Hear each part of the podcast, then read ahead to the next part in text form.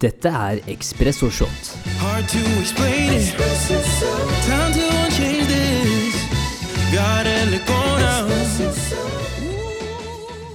It's beginning to look a lot like Christmas over in Australia. Take a look at the Nikolai. Hello, are you ready to have fun? Hei, Nico. Da er vi tilbake med Espresso Shot. Espresso Shot episode 7. Juleepisode. Juleepisode. Ho, ho, ho. Er det noen snille barn her? Det er det. Absolutt. Det er det. Tok lang For tid før fikk for en introduksjon. Ja, jeg har vurdert at nå skal jeg begynne å, begynne å synge med på disse introene. Som du veit, så, så har jo jeg og Martin Josef McCarthy, uh, my friend, vi har jo et band. Så jeg vurderer nå å, å, å lage mer altså egen musikk da, til produksjonen her på For å få mer eh, høre på podden, er det ikke det? Alt, jeg gjør absolutt alt for PR i 2021. Og 2022 blir det enda verre. Da blir det mer hud også. Men det er en annen historie. Ja, den kan vi ikke ta på podden. Det kan vi ikke ta på podden. Det blir nok Onlyfans. Få opprette Ja. en konto der og Ja, da er du Kanskje- ganske populær. Yes, kanskje en profil på Patrion også, bare for å få litt ekstra, ekstra stønad. Ja, ok, Men, jeg står eh, på temaet. OK, velkommen til Ekspressorshot 7. Eh, det er godt å se deg igjen. Og i dag så skal vi prate om en, eh, en god del ting, som alltid. Vi skal først og fremst høre hvordan det gikk med den challengen vi hadde. Eh, forrige episode når vi prata om Wolfgang V med isbading, teipe kjeften om natta, alt du kan tenke deg. Og hvordan det har gått. Eh, For en av oss så har jo det gått veldig bra, for en annen så har det gått veldig dårlig. Og mer skal vi røpe seinere. Men så skal vi også bryte ned intervjuet vi gjorde med Jon Christian Elden episode 72 av eh, Expresso.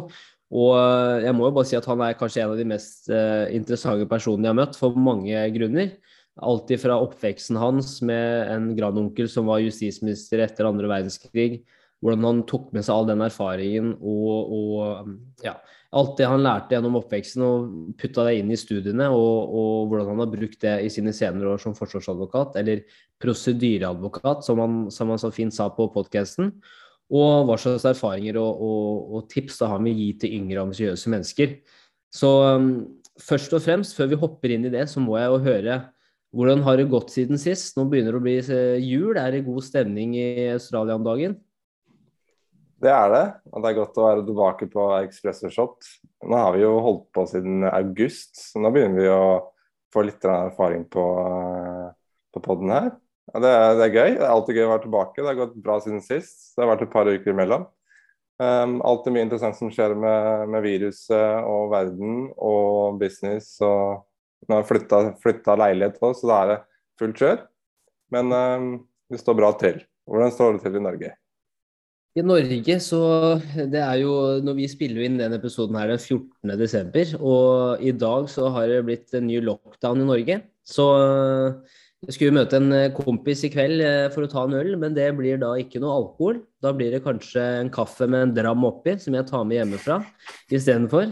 Eh, så jeg er veldig spent på hvordan det kommer til å gå. Eh, men nå er det fullstendig lockdown, så det her blir en eh, isolert jul. Det kan jeg si med en gang. Um, men utenom det så, så går det greit. Du ser jo jeg også ringer inn fra et nytt sted. Det er mellom mellomstoppested, leiligheten til eh, svigersøstera mi, før vi flytter inn i ny leilighet i januar. Så det har vært hektisk. Det har vært eh, mye å gjøre på jobb. Eh, men ellers så ser du vi er avslappa. Du ser Putin bak meg her. Har eh, Jeg vet ikke om han er dau, eller om han faktisk har eh, tatt det litt rolig. Full juleferie på Putin. Full juleferie, han er klar. Jeg vet ikke om han har vært en særlig snill gutt i år. Han er jo diktator, så vi får se hvordan det går. men, men utenom det så skal jeg ikke, skal jeg ikke klage, altså. Um, og jeg tenker jo det morsomste nå er jo bare å hoppe inn i den challengen som vi hadde, utfordringa vi ga oss selv, når vi reflekterte over intervjuet med Wolfgang V.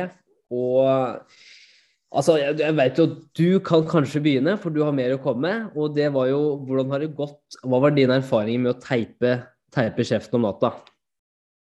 Og hva sa madammen? Ja, OK. så fra den episoden vi hadde med Wolfgang, så sa han at uh, det å teipe kjeften var bra, fordi at da puster du, bruker du nesa til å puste, og det er, uh, har tydeligvis, tydeligvis sine eh, benefits. Um, så da satte vi opp en liten mini-challenge hvor meg og Henrik skulle uh, teipe kjeften og mens vi sov. Um, og det gjorde jo jeg, så lydig som jeg er. Jeg fulgte de reglene, som ikke Henrik gjorde, men det er greit. Sånn Nei, det det, er. tenker jeg skal la deg prate ferdig først, og så skal jeg komme med mitt Ja, ok. forsvar. Nå har jeg okay, lært mye av Jon Christian Nelen om å komme med et forsvar. Ja, det burde du være god på da. Ja. Så det å teipe kjeften, det var jo Første natta må jeg si at jeg var eh, litt redd for hva som skulle skje. Var det var mer eh, Nei, ikke med dama. Det var jeg egentlig bare redd for at uh, ikke jeg skulle puste. mhm. At, uh, jeg veit ikke. Jeg, vi var, har aldri gjort det før, så tenkte at dette her er har ikke peiling. Så da går jeg liksom og legger meg og tenker ja, nå har jeg hatt en fin dag i dag i hvert fall. Og så får vi se om jeg våkner opp i morgen. Ja. Og du våkna. Uh, jeg våkna, men teipen var ikke på. Oi. Så hadde det skjedd et eller annet i løpet av kvelden som jeg, ikke vet hva var. Men da var ikke Det teipen bare på. rivna av i søvne. Ja, det var tydeligvis ukomfortabelt, da. Så da prøvde jeg med litt tykkere teip dagen etterpå. Eh, ikke gaffateip, men det var en sånn uh, halvveis sportsteip type. Litt mer sånn uh, maskeringsteip, tror jeg. jeg vet Ja. Eh, og da satt den ganske greit. Og da Ja. pusta jeg Så jeg, jeg kan ikke si at jeg merka noen store forskjeller. Um, men det var en god erfaring. Altså, jeg gjorde det for syv dager, og det var jævlig rart. Ja. Men når du våkna da dagen etterpå, så er det kanskje vanskelig å ikke merke noen store forskjeller, men liksom var det eh, Altså, hvordan følte du deg når du så opp? Det er jo veldig mange variabler inni her, da, selvfølgelig, men Ja, Det eneste som jeg liksom la merke til, var at eh, jeg ble ikke så tørr i munnen som jeg kanskje normalt sett blir. Altså, hvis jeg våk Mange vet det når de våkner midt på natta, så er de tørre i munnen og de må ha et glass med vann. liksom. Mm. Eh, den følte jeg ikke. Eh, men det kan at det er noen mer langsiktige effekter der som, eh, som man hadde fått hvis man hadde fortsatt å gjøre det. Men jeg gjorde det jo bare i syv dager. Ja. Mm. Men det er jo, det er jo kjempeinteressant, for det er jo altså, du, du, Før vi kommer til min refleksjon over denne konkurransen, da, så, så er jo det Jeg merker jo, jo mer jeg puster med, med nesa, så gjør det også at Og det vet jeg ikke om rett og slett er fysiologisk eller om det er psykisk, men jeg føler også at jeg blir, jeg blir mer bevisst på pusten. Da, for at jeg får på en måte pusta mye mer langsomt, på en måte. At jeg, pusten går helt ned i kjernen av brystkassa. Og ikke sånn Jeg vet ikke om du merker det i løpet av en dag, og hvor fort det er at pusten din bare blir At liksom du puster ikke Mm. helt inn, da, eller helt ut. Og da merker jeg at da pulsen min går opp med en gang. Da, at den blir mer sånn Ikke hjerteflimmeraktig, men du skjønner mer at liksom Jeg føler ikke at jeg, jeg, føler at jeg høy, har høye skuldre, da. Mm. Så jeg, jeg skjønner jo på en måte at det å puste gjennom nesa gjør at du bruker lengre tid på å få pusten ned, da. Og for meg så har det funka, funka veldig bra når jeg er bevisst på det, men det er jo også en utfordring i hverdagen å være bevisst eh, på pusten. Men jeg tror at jo, jo mer tid man bruker på faktisk tenke over da eh, å puste gjennom nesa, da, så kan det gi mye effekter, eh, for å si det sånn. Men eh, når det kom til min innfallsvinkel da, på denne utfordringa, så eh, skal jeg være ærlig og innrømme at der feila jeg. Eh, jeg har faktisk ikke gjort det sju dager heller. Jeg har faktisk ikke gjort det én dag heller. Og det er trist. Eh, for jeg liker å være en person som gjør ting. Gjennomfører. liker jeg å observere meg selv da, og si at jeg gjennomfører ting. Ser du at jeg bruker Jon Christian Eldens eh, teknikker her nå? Jeg prøver å formulere meg veldig eh, objektivt. Veldig, veldig. Hvis det er noen som hører på nå, og det er et annet kommentarfelt her, Ja. så vil jeg at vi skal lage en liten sånn ministraff til Henrik. Og så får vi se hva den nye challengen blir. Får vi se hva den nye challenge blir. Da vet jeg at i 2022 så da vet du, skal du faktisk få lov til å gi meg en straff. Så når vi har første episoden i 2022, så skal du faktisk få lov til å gi meg en straff over noe jeg må gjøre. Og så må jeg makta. ja, men det, jeg må bare øh, utsette meg sjøl for det, sånn at det aldri skjer igjen. Eksponeringsterapi kaller jeg det her. Uh, Men, men jeg skulle egentlig gjøre det her, men eh, jeg fant ut at når jeg skulle gjøre det, så var det bare gaffateip tilgjengelig, og det var det én ting av Wolfgang sa som vi ikke skulle gjøre, så var det å bruke gaffateip. Mm. Uh, og da hørte jeg egentlig bare på Wolfgang. For å Ja, bare skyld, på han. Skylde på. Wolfgang. Fader, altså. Men, men jeg, skal, jeg skal få prøve det. Jeg, jeg må det. Så det, det er bare skjerpings. Ja. Til meg. Nei, men, altså, så det, å- det å faktisk gjøre det, en ting som jeg sitter igjen med, var jo det å, at jeg faktisk ble mer bevisst på å puste gjennom nesa i hverdagen Mm. i løpet av dagen også. Um, og der merker jeg stor forskjell. Um, så det han snakket om i podkasten, det er ingen tvil om at det stemmer. Um, jeg merka det at uh, bare det å være bevisst, som du sier, bevisst på å puste gjennom nesa, så puster du dypere automatisk. Um, og du roer deg ned litt, du har litt mer kontroll. Og du For meg så bare det å være bevisst på at du puster gjennom nesa, kan du begynne å kontrollere. Så når du føler deg litt ekstra stressa, så kan du bare okay, da puster jeg litt ekstra. Mm. Og det funker veldig fint. Ja. Så hørte- Mye gode effekter, det er gode tips, det er gode råd. Ja. Og jeg hørte også en, en, en TED-talk her om dagen, faktisk. Og det, det var, med en, eh, var med en Munch, eh, som jeg syns er veldig interessant. Skal jeg bare finne den med en gang? For det, jeg syns den, den er litt annerledes. Da. Det, handla veldig mer Du kan kalle det kanskje altså mindfulness. Eh, men det Skal vi se her, om jeg finner den. Det var med altså tre spørsmål som du kan stille deg sjøl for å bygge mer holdt jeg på å si, stamina i hverdagen. da, I forhold til hvem du er som person, være motivert, være lykkelig, være mer til stede. Og det handler egentlig om at f.eks. at vi alle stresser om at vi skal eh, til ulike steder i løpet av en dag hele tida. Vi har alltid noe vi skal. Eh, og, og, og vi har kun 24 timer i døgnet, men vi prøver å putte mest mulig inn i de 24 timene og, og fylle opp kalenderen så mye som det kan gjøres. da. Men det hun her prata om, var mye mer i forhold til at du bør stille deg spørsmål i løpet av en dag. Eh, F.eks. når du skal til et sted, og spørre hvem er det jeg er som person? Hvor er det jeg ønsker å, å, å komme? Og, det kan være ikke nødvendigvis, som jeg har sagt før, materialistiske ting, men også hvem er jeg i dag? Eh, og hvor er jeg i dag? Um, og det det egentlig, altså lang historie kort, at det hun hadde stort fokus på, var bare Vi hele tida tenker OK, nå må jeg kjappe meg, for nå skal jeg dit.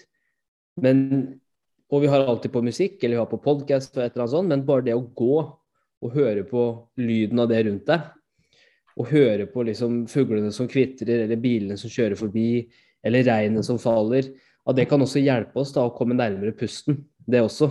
For at da blir vi mer bevisst, da. Og det er litt sånn høna lege. ikke sant? Begynner du med å fokusere på pusten, eller begynner du å rett og slett bare observere det som er rundt deg? Og jeg tror den balansen er ganske fin, for jeg har merka at det, jeg har prøvd begge deler. Og nå i det siste så har jeg også gått mer uten musikk, uten podkast. Jeg prøvd bare å være til stede, da. For det, det er noe jeg utfordrer, eller som jeg sliter veldig med, er rett og slett bare det å I løpet av en stressende hverdag, når det blåser som mest, så altså er det så vanskelig å bare ta seg ut av det altså det scenarioet, om du vil, da. Og liksom bare OK, hva skjer her nå? Eh, hvordan føler jeg meg? Hvordan er pusten? Og så videre. Og det å kunne da ikke få det, de impulsene da utenfra, men egentlig bare gå inn og observere det som er rundt deg, da har gjort stor forskjell. da. Jeg vet ikke, Ga det mening? Ja, jeg, tror, jeg tror det her er som en måte å leve på. da. Um, mm. det er sånn, Vi snakker jo ofte om nei, mål og det er å hige etter ting. og Vi er jo, som du sier, vi, vi leter alltid etter neste tingen vi skal gjøre. Um, og så er det jo mange gode råd der ute som sier okay, enjoy the journey, uh, lev i nuet, ikke sant. Nyt prosessen. Men det er ikke så lett å ta det inn til seg, men jeg tror det er kjempeviktig, og det er en måte å leve på. Um, når du hører på mange som er suksessfulle da, i, i sine områder, og de har lykkes stort, så sier de jo veldig ofte at uh, det handler ikke om utfallet, det handler ikke om resultatet, det handler ikke om pengene. Alle vet at penger gjør deg ikke lykkelig, alle disse tingene her. Og det er jo så sant. Um, og det å prøve å lære seg å forstå det før man faktisk har fått de resultatene, det er ekstremt krevende. Og jeg tror det er derfor vi ofte finner det så vanskelig da, å, å, å faktisk være til stede i øyeblikket, nyte bare lyden av fugler eller av regn eller hva enn det er for noe. Um, og, og lytte til pusten, for vi higer etter de resultatene hele tiden. Men så når vi får de resultatene, så kommer vi bare til å forstå at det, det handler faktisk om å nyte reisen. Ja. Men, det, men, men, det, folk ofte tror, da, er at når du nyter reisen, så jobber du ikke hardt. At det er sånn Nei, du kan gjøre begge deler samtidig. Mm. Ja, det, det syns jeg er så, så riktig. For det, jeg, bare, jeg prøver å bli mer og mer bevisst over det, men det er jo sånn Tenk en, tenk en altså, litt klisjé, da, men tenk en fantastisk gave det er å faktisk kunne være tilfreds med seg sjøl. Uh, og faktisk være til stede her og nå. liksom Bygge altså, gode rutiner, struktur. altså Det er jo også derfor, derfor de sier at altså, disiplin det er lik frihet. Struktur er lik frihet, eller struktur er lik kreativitet. Det er for at du klarer å sette deg selv inn i rammer som gjør at du fungerer optimalt. da. Uh, og, og, særlig sånn som med den, uh, det foredraget her også, så var det veldig fokus på at liksom, hvert eneste øyeblikk er en mulighet til å bli mer observant på deg selv. da og verden du er en del av. Og det er så mange ting i løpet av en dag som vi egentlig ikke observerer engang. Uh, mm. Som skjer rundt oss, da, som, som, jeg føler er et sånn veldig undervurdert verktøykasse som man kan ta i bruk bare for å bli mer tilfreds med seg selv. Da. Uh, mm. Og når man kommer dit, tenk på det. altså jo mer etter, altså, Gjennom en, kanskje en vellykka karriere, man begynner å tjene mer penger, man begynner kanskje å få mer innflytelse, hva enn det er for noe. da. Hvis man allerede nå tidlig. jeg spiller ingen rolle om du er 40 eller om du er 20 eller om du er 60. Men liksom allerede nå, i dag, begynner å bli mer observant på hva er det som gjør meg lykkelig. Eh, prøver å bli flinkere til å observere ting rundt meg. Bli mer til stede i øyeblikket. Så spiller det ingen rolle når du begynner å tjene mer penger for at du har det allerede bra med deg selv. Mm. Jeg, jeg, bare, jeg, jeg, har tenkt veldig mye over det. At liksom, det kommer til et punkt hvor du tjener såpass at så når økonomi ikke blir en, hva skal man si, et usikker moment lenger, da, hvor du da kan få mer tid til å rett og slett bare koble av og være til stede. Problemet da er at vi alltid higer etter noe mer. ikke sant? Vi skal alltid ha mer. Alltid noe mer. Det er alltid, alltid noe, mer. ikke sant? Så, så jeg tror bare Så jeg skal dele det foredraget etterpå, for at det var bare For det første så prata veldig sånn Hun var så stille og rolig når hun prata. Det var nesten som å høre på meditasjon. Mm. Altså, ikke sant? Hun var så stille og rolig, du ble så bevisst på det. Mm. Altså, det er så mye takeaways fra det foredraget som er så mye mer enn bare budskapet. Men det er hvordan hun holdt foredraget, hvordan hun prata, ordene hun brukte osv. Altså jeg skal dele den. Det er sant. Jeg, jeg, jeg, tror, jeg tror også han Jon Christian snakka mye om dette med prioriteringer. Hvordan han velger å liksom fokusere mm. på eh, bare han, de tingene han faktisk nyter. Yes. da, som Han snakker om, han ønsker mye variasjon i hverdagen, men han ønsker hovedsakelig å være i retten og deale med saker. Han ønsker ikke å deale med det administrative, så derfor velger han da å ha eh, så klart andre ansatte som dealer seg med alt det administrative, så han ikke trenger å fokusere på det. Så Det er noe med det å legge opp liksom dominobrikkene på en plass sånn at hei, hvis jeg legger opp alle de tingene her litt bedre, så kan jeg gjøre nyte reisen litt mer. Så det handler ofte om å optimalisere eh, reisen, da. Som du snakket om med det med rutiner. Mm. mm. Og du hørte det i det intervjuet også i 72, at han, han var utrolig bevisst på hvor han ønska å putte tida si. Mm. Eh, og det merka jeg også når jeg har eh, bare sånne småting, da, når jeg har kommunisert med ham, så er det sånn Du veit jo sånn som med med sosiale medier og, og, mer og mer og samtalen nå blir jo gjennom meldinger istedenfor muntlig dialog. Og da ser du at det er viktig å ha med emojis, for at hvis du ikke har emojis, så tenker folk at du er sur. Eller at hvis du bruker feil ikke sant, medier, Når det også blir et ekstra element som du må forstå, da. Uh, men når jeg kommuniserte med han, så var det bare enkle meldinger. Ja, det går fint. Punktum. Ikke tenk på det. Punktum. Er her snart. Punktum. Det var sånn, han, tenk, han tenkte så lenge jeg klarer å kommunisere der, og så er jeg ferdig med det.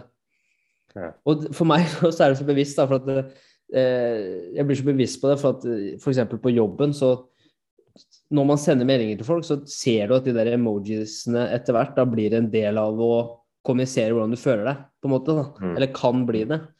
Selv om det viktigste er jo bare teksten, på en måte. Mm. Um, så, så, det var også en ting som jeg bare tenkte mye over. Dæven, han er så effektiv når han kommuniserer. Det er så lett, liksom, for du veit at ok, han svarer, bom, da er vi i gang. Ja. Istedenfor å bruke en lang sånn Veldig hyggelig, se fram til samtale. Dette blir moro og lærerikt. Jeg kommer klokken Hva sier han? Jeg er der 17.15. Han finner. Ja.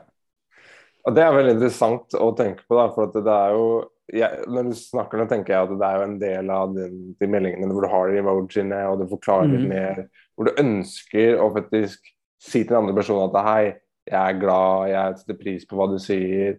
Så du kan legge inn de følelsene, men samtidig litt sånn, kanskje litt mer profesjonelt. da. Så Mm. å lære seg å være veldig effektiv eh, i kommunikasjonen er veldig interessant. Jeg, jeg er veldig interessert i å høre, liksom, med, med, når du satte deg ned med John Christian Elden, hvordan det var å sitte ned med han og snakke med han. Hvordan, du sier jo nå at han var veldig direkte eh, med meldinger. Hvordan var han å sitte ned med eh, face to face og, og snakke med? Ja. Nei, altså, altså jeg husker det altså, tidligere på den dagen. Eh, når vi liksom, og det skal også sies at eh, dette var andre gangen vi prøvde å få til det intervjuet her. Og første gangen var pga. meg, for at jeg ble veldig sjuk. Jeg ble veldig forkjøla. Eh, og da ville ikke jeg på en måte ha et intervju hvor jeg driver og spytter på, spytter på Norges mest anerkjente advokat og, og hoster og harker. Fair point. Fair point. Eh, men altså, da var jeg veldig sånn usikker på at ok, der, der mista jeg muligheten til å ta den praten med ham. Man, man tenker sånn, man er jo man har en hektisk eh, timeplan, og når du begynner å bli så profilert, så kan jeg tenke meg at hvert eneste minutt i løpet av en eh, dag er på en måte planlagt. ikke sant? Um, så det begynte jo bare der, men, men så kommer de tilbake til meg og bare ja, eh, ta kontakt med kollegaen min, og så setter vi opp en ny, ny, ny samtale. Og det var bare sånn Jeg veit ikke, det er bare de tinga der da, for meg i forhold til at man er så imøtekommende. at det, man veit at uforutsette hendelser skjer, og vi får til det her sammen, liksom. Så det var for meg var det første som jeg bare tenkte dæven, det her var Altså, man, eh, det var veldig hyggelig da, at man hadde muligheten til å finne et nytt tidspunkt, så det var det første. Men på selve dagen så var jeg jo veldig nervøs, for jeg tenkte at dæven, jeg har hørt tidligere intervju. Han er veldig sånn on the point, svarer på spørsmålet. Og så er det også avhengig av at du også drar i gang samtalen, at du har oppfølgingsspørsmål, at du viser at du er forberedt. Så jeg, jeg var jo veldig usikker. Jeg følte ok, er jeg nok forberedt? Har jeg gjort nok research? Vet jeg hvordan jeg skal stille spørsmålene? eh, Stille eh, oppfølgingsspørsmål? Få han til å slappe av, koble av. Alt det der er så viktig da, for å få et bra intervju. Um, og så eh, prøvde vi jo uh, Vi prøvde å hjelpe han å finne fram òg, for det er jo Myntgata er jo litt uh, gjemt fra allmennheten. eh, En bakgate der. Ehm, og så ringer han meg plutselig, og så sier jeg du, nå er jeg på vei her. Hvor er vi? Ikke sant? Hvor er det du er? Og så møter jeg ham utafor, og førsteinntrykket var smilende, kommer med litt småvitser, kjempeimøtekommende. Og da merka jeg med en gang at det her kom til å bli et kjempebra intervju. Og da bare skuldrene mine bare sank seg sånn med en gang. Da, for vi hadde en så god tone fra med en gang han kom inn døra, og han var så lett å ha med å gjøre. Da, og det overraska meg litt, da, for å være ærlig. Jeg hadde ikke trodd at det skulle være så avslappende å ha det Mm. intervjuet. Da, for han var så, han var så imøtekommende. Han ville at det her skulle bli en bra samtale for begge to. da. Tror du at det er pga. all den erfaringen han har med å møte nye folk hele tiden, kontinuerlig med jobben sin, at han har måttet funnet ut og lært seg hvordan han kan møte folk på en bedre måte? Tror du det var liksom eh, intensjonen hans når han møtte deg også, eller tror du det var liksom bare hans personlighet? Ja, han er jo øh, For det er, det er interessant, for han er jo en utrolig oppegående person. Han er jo, Jeg vil tørre å påstå at han er over øh, snittet smartere enn de fleste. Det vil jeg Mm. tørre å påstå. Uh, og mange også har sagt at han har fotografisk hukommelse osv., men hvordan han forklarte det, var bare at nei, jeg har et system bak i huet mitt, så jeg klarer å hente fram gamle mapper. bak og så tenker jeg bare, da, ok, da er du i hvert fall smart. Um, men jeg tror også at Han har jo trent jævlig mye, da. trent jævlig mye, ikke sant? Han har jo trent hjernen mye på å Mm. kunne huske og kunne forstå. Eh, men det var jo et eksempel han fortalte om at han var veldig god i individuelle oppgaver når han var yngre, men ikke så god på uh, det å jobbe sammen med andre. Så jeg veit at dette er noe han har jobba utrolig mye med. Å forstå andre mennesker, jobbe sammen med andre mennesker, jobbe effektivt sammen med andre. Og det var tydelig da at når han kom i, i Myntgata, så dette har han gjort før, da. Han, han, og du, du må jo være en person som klarer å lese mennesker, og det sa han jo, han er en god lytter. Og klarer å få med seg ting. Og du må være det, skal du være eh, forsvarsadvokat, da. Så må du kunne se detaljer, og kunne klare å forstå hva som gjør at mennesker gjør A, B eller C, da. Ja, for Det syns jeg var litt kult å høre når han snakket om det her med at han var bedre individuelt enn det han var i et team når han studerte. Eh, og så høres det litt ut som når dere snakker underveis at han begynner å lære seg teknikker om hvordan skal jeg lytte bedre, samarbeide bedre. Og nå som han driver et selskap eller et eh, hva heter det for noe? Et firma um, med over 130 ansatte, så er han jo nødt til å jobbe i team. Så på en eller annen måte så under reisen så har han jo lært seg å jobbe i et team, men det var jo helt tydelig at i starten så hadde han jo et eller annet X-faktor. Og det kan jo hende at det kommer fra, eh, som vi snakket om før eh, denne episoden her også, at han hadde en generasjon før seg, to generasjoner før seg, som hadde Ja. også jobbet i samme yrke. At han kanskje har plukka mye ferdigheter da, fra den tida. Ja, og altså Selvfølgelig, det er også noe som jeg syns var veldig interessant. Det var jo, han har jo vokst opp med en, da, en grandonkel. Eh, Ose Gundersen, som var eh, justisminister etter andre verdenskrig. Eh, og da hadde ansvaret for eh, landsviksoppgjøret eh, med Quisling osv. Og, og måtte gjøre masse eh, henrettelser. da. Ikke han direkte selv, selvfølgelig, men måtte hadde ansvaret for å gjennomføre det her. da. Eh, og det er jo sånn som også tror jeg lærte Eller Jon Christian lærte veldig mye av, var jo i forhold til at eh, altså Grandonkelen hans var jo også genuint imot dødsstraff. Mm. Og det å også kunne gjøre en rolle og det ansvaret som han hadde da, som justisminister, selv om det gikk på uh, på kostning av dine egne uh, holdt jeg på å si, verdier, da. uh, og sette liksom samfunnets gode overfor deg selv, da. Det er sånn, sånne type ting tror jeg man setter veldig mye igjen med. Er alt å kunne kommunisere sine egne meninger, men også tenke på viktigheten av jobben du har, da.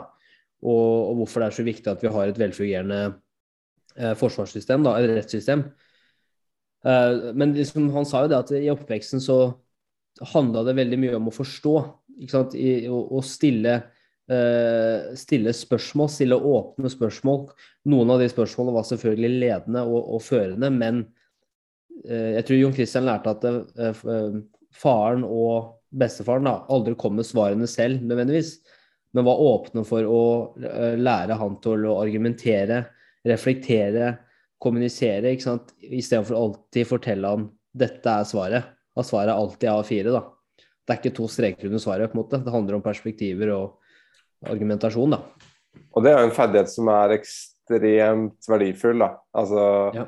Jeg, sk- ønske, jeg skulle ønske at jeg vokste opp med en lignende familie, hvor de måtte forma de eh, kommunikasjonsferdighetene som han har lært seg Ja.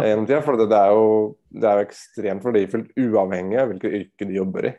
Ja, det er samme her. Bare den evnen til å jeg vet ikke, liksom diskutere ting som skjer i samfunnet, og, og, og komme det med fra en, altså en juridisk innfallsvinkel, eller politisk innfallsvinkel også. Du ser jo at det var et politisk hjem, og Jon Christian har vært med i Unge Høyre og er med i Høyre. Og, og, han sier også litt det at i forhold til liksom juss og politikk, det er liksom det er så vanskelig, da, for at politikk handler veldig mye om innflytelse, og det handler om makt, makt i kortere perioder. ikke sant? Veldig ofte så har sånne pop populistiske politikere så handler det om liksom, vi får makta, og så gjør vi noe, og så er det fire år, og så er det nestemann. Så vi må bare prøve å få mest mulig det vi har lyst til å gjøre, det vi har lyst til å få til innenfor de fire årene. Mens juss handler mye mer om langsiktige, det langsiktige spill og det som faktisk skjer i samfunnet. da. Og Det er også derfor han ikke har vært mer involvert i politikken, eh, sa han jo sjøl. For at han ønsket å være mer hands on med det som skjer i samfunnet. da, Og hverdagen til det vanlige liv. Mm. Hva er inntrykket ditt av liksom, etter å ha sittet ned med han? Han, jo, han ble jo rett og slett født inn i dette yrket her og har Ja. bare Som han snakket om, han var jo ikke 100 sikker på om han ville gå inn i samme retning som far. Og, men han endte jo opp i lignende områder. Eh, Og han har jo da jobbet gjennom mange, mange år for å komme på det nivået han er nå. Hva er ditt inntrykk av liksom, hvor mye arbeid han har puttet ned for å komme på, det, komme på den nivået han er nå? Og hva tenker du i forhold til andre folk da, som kanskje hører på nå og tenker og jobber i andre yrker, eller kanskje til og med idrettsutøvere, eller hva enn de er? Hvor viktig tror du det er å liksom stick to your field uh, for en lang periode? Ja. Det, det er et godt spørsmål. Jeg tror det, det viktigste er liksom, det første man, man observerer etter man lærer litt mer om bakgrunnen hans, er jo at han har jo fått jussen inn med morsmjølka. Eh, at liksom, han har jo vokst opp i et hjem hvor altså den type å kommunisere på og det å argumentere, det har vært helt vanlig. ikke sant? Den balansen mellom politikk og juss, og hatt det fra tidlig alder. Selvfølgelig, da blir du jo påvirka på en eller annen måte av foreldrene dine. Uh, men så er det også helt 100% tydelig at du kan ha talent og du kan komme deg et visst stykke, men talent uten hardt arbeid er ingenting. Det er bare talent. Og det er også tydelig da når du ser han fortelle om hvordan han jobber. Han jobber jo skjorta av seg, bokstavelig talt, eh, for å få til det han har fått til. Og, og, og de aller fleste tenker 8 til 4, da er jeg ferdig. Men han er, han er ikke 8 til 4. Han er, jeg er forsvarsadvokat. Det er det jeg er som person. Og jeg må gjøre den jobben. Så det er som f.eks. når han nevnte at hvis jeg må være i rettssalen dagen etterpå klokka ni, og jeg ikke har forberedt meg fordi at jeg har sittet i rekke prosedyreintervjuer eller hva enn det er for noe, så må jeg jobbe gjennom natta. Altså Så enkelt er det. Så det liksom, For han da, så er det, det er svart eller hvitt. Det er liksom Enten så gjør jeg det, eller så gjør jeg det ikke. Det er ikke noe halvveis, da. Um, og jeg tror det sier veldig mye om det, som du, det spørsmålet ditt, og det å være dedikert til noe over en lengre periode. Det er, altså Et godt eksempel er jo bare bare ta den podkasten her, da. Er sånn, nå, har vi, nå har jeg drevet med dette i nå er det vel nærmere to år. Og mm. selvfølgelig når du begynner, og så ser du du ser på tallene i begynnelsen, så ser du at det er så dårlig fotfeste. Det er nesten ingen som hører, osv. Altså, selvfølgelig har du lyst til å gi opp, for du føler at du ikke får det til. ikke sant? Uh, men du kan ikke gi deg etter seks måneder. For da har, du ikke fått, altså, da har du ikke fått vist at du egentlig tror på det sjøl engang. Hvis du gir opp etter seks måneder. Og det er litt det perspektivet um, som jeg føler han har kommunisert også, at du må være dedikert til noe. Du må vise at du vil noe, og du må jobbe hardt over en lengre periode. Uh, og det var jo samme med Wolfgang òg. At liksom, du kan gjøre ting i seks måneder, men de aller fleste gir seg, fordi de, de, er ikke der de ønsker å være etter seks måneder. Så jeg tror det viktigste egenskapen man får, er å ha stamina, da. Til å ikke gi seg. Mm. Og så lære, og som vi snakket om i begynnelsen av båten her, å å nyte reisen og lære seg underveis at det her er livet. Det handler ja. ikke om slutten. Um, det er jo interessant vi, uh, En av de første Den første posten jeg posta på Instagram, mm. så uh, tok jeg bilde, for vi hadde vært på fotballcamp i England. Uh, ja. og Vi hadde vært altså, på, hos Leeds United. Og så mm. hadde vi gått gjennom garderoben der, og, og en av de kvotene som sto i garderoben, var um, hard work beats talent if talent doesn't work hard. Ja. Og det er sånn der, som du sier nå, det er en klisjé som bare rakkeren, mm. ikke sant. Men det er, det er, derfor det er en klisjé, og det er liksom for at det ofte så er det rett. Mm. Eh, og bare det at det står i en klubb som Leeds, da. At, mm. altså, de har jo lykkes på et stort nivå. Nå spiller de jo i Premier League igjen eh, ja. etter å ha vært opp og ned mange ganger. Men altså, bare det at de har den quoten i garderoben, er litt sånn derre Wow. Det, du kan leve på talentet bare så lenge, og så må ja. man putte inn det harde arbeidet. Så det er, ikke, det, er ikke, det er, helt tydelig at Jon Christian har vokst opp med en del talenter. Men som du sier, så har han gått, gått over til hardt arbeid da, for å fortsette mm. å komme på det nivået han er nå. Ja. Og det har jo vært en gjenganger gjennom alle de episodene vi har spilt inn også, er jo altså, og, og, kanskje mye av grunnen til at vi sier det, er for å motivere oss sjæl til å fortsette ja. å gjøre det vi gjør. ikke sant? At det er en sånn, det er en sånn forsvarsmekanisme. at ok, hardt arbeid over en lengre periode er verdt det. Du må prøve å nyte der du er nå, fordi ikke sant, A, B og C det er, liksom, altså det, det er vanskelig for deg da, å ikke gi slipp på det du ønsker å få til. Men samtidig så sier du det til deg selv da, for at det gjør det lettere å fortsette å putte timer inn i det. da. Kan også være, ja, ikke sant? Ja, absolutt. Jeg tror du er helt uh, spot on der. Altså, altså, I tillegg så Det motsatte er, hva er alternativet, liksom. Å jobbe mm. og ikke jobbe i det hele tatt. Det er Jeg tror hvis man ser litt nærmere på det, så tror jeg ofte at det harde arbeidet er faktisk den gaven du leiter etter. Ja. Um, fordi det gir deg noe, det gir deg en mening. Det gir deg at mm. du føler at du jobber mot noe som betyr noe. Um, ja. og Hvis ikke du har det harde arbeidet, så på, prøv, prøv, å sitte på sofaen i ti dager og ikke gjøre noen ting. Ja. Du blir deprimert, du får angst, du føler deg stressa. Ting bare kommer og flyter, slag, treffer deg midt i, i fleisen, ikke sant. Mm. Så det å se på hardt arbeid på en litt annen måte, tror jeg er viktig. Um, og kanskje til og med er målet, da. Ja, ja man, blir jo, man blir jo sjuk av å være sjuk. Altså, det er jo uten tvil, liksom. Altså, altså er, Du sier det så bra der, da, men det er jo det å ha noe å gå til, da. Det å ha en, en jobb man trives i, eller liksom om man jobber for seg selv eller jobber for noen andre. Personlig heller så syns jeg ikke For meg så er ikke det det viktigste. Uh, og nå har det vært mye fokus på gründerskap og at man skal endre verden og man skal redde verden og man skal drive med bærekraft, uh, man skal drive med mangfold. altså At man skal drive med det eneste med alt da, som er så stort. Men så prater man fortsatt ikke om ja, men kanskje jeg skal begynne med meg sjøl. Kanskje jeg skal jobbe med meg sjøl og få mening i mitt eget liv. Kanskje jeg skal prøve å følge mestring på noen områder. Om det er på trening, om det er på jobb, om det er familie, om det er det ene altså, Begynn med deg selv. Da. Begynn å tenke hvor er det jeg ønsker å føle mestring. Uh, og, og, du ser jo det med Jon Christian. At altså, han ønsker å jobbe for de som ikke har Altså alle fortjener en advokat, da. Uh, og alle fortjener å bli hørt, uansett hvilken side man er på. Uh, alle skal ha rett til å ha en advokat. Og det er også viktig at man gjør den jobben ordentlig for å sørge for at man har et ordentlig altså, måte, rettssystem også. Men det begynner jo også med genuint interesse over mestring også. Å gjøre noe man er god på, og det begynner med seg sjøl. Og jeg tror liksom flere kan få mer mening i eget liv hvis man snur den, der, eh, den pyramiden på hodet, da, istedenfor å begynne med at jeg skal endre verden. At man heller kanskje begynner med ok, jeg skal føle mestring i eget liv. Mm. Og så sakte, men sikkert så kan man utvide det mens man utvikler seg, om man får mer kontroll, eller om man bygger bedriften eller bygger seg selv.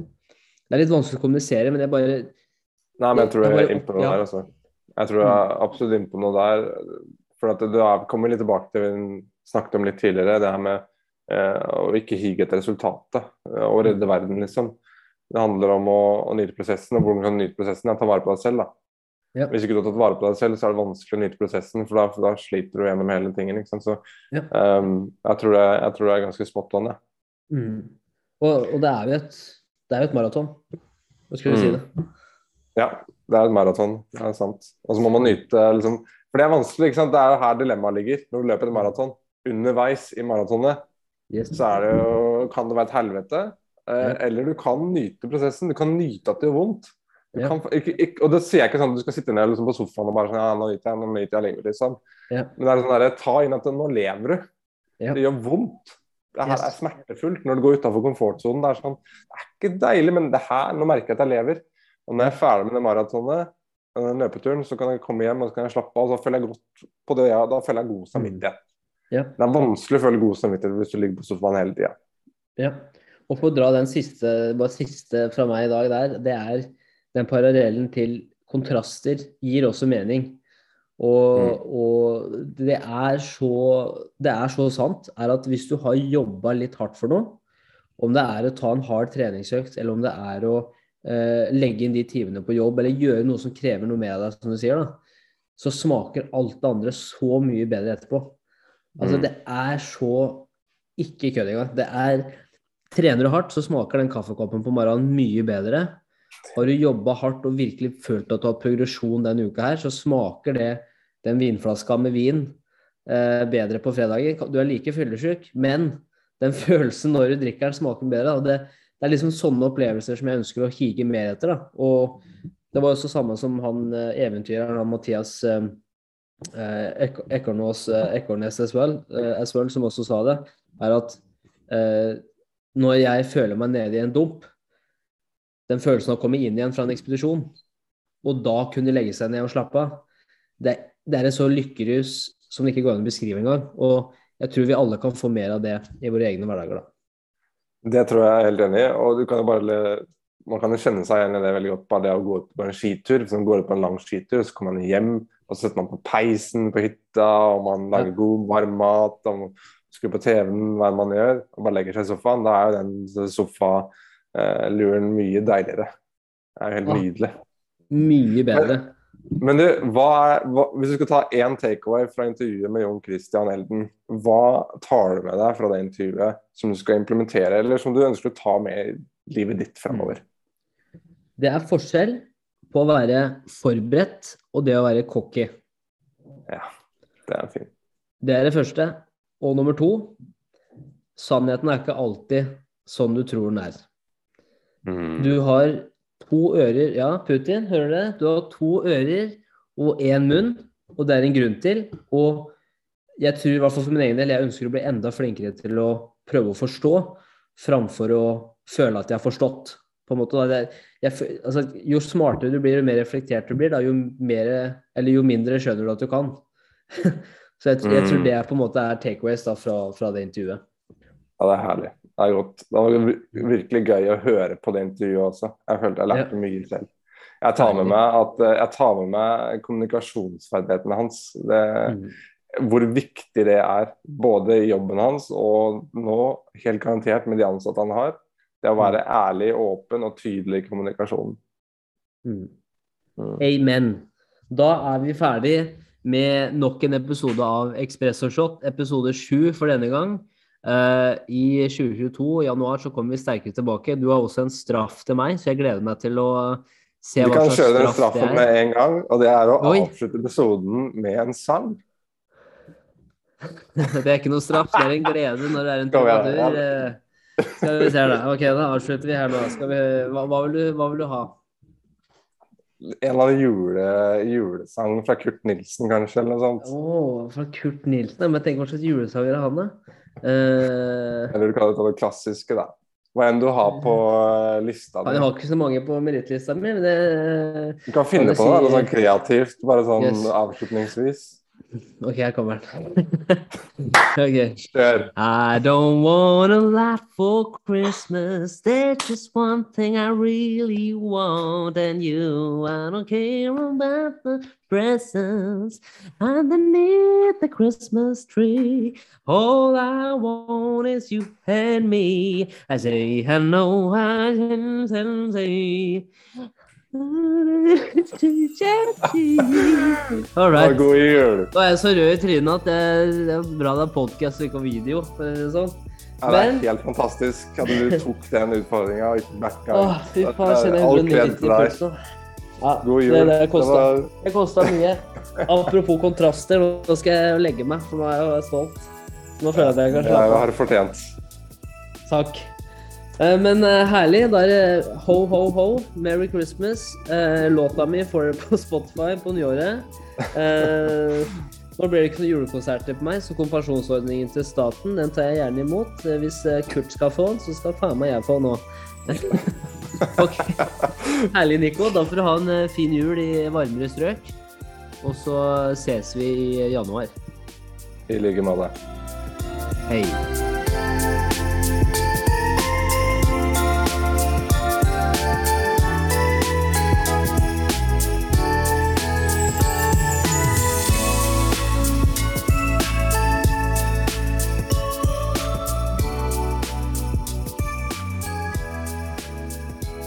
Tusen takk for at du hører på Ekspresso, og vi håper du får en fin jul.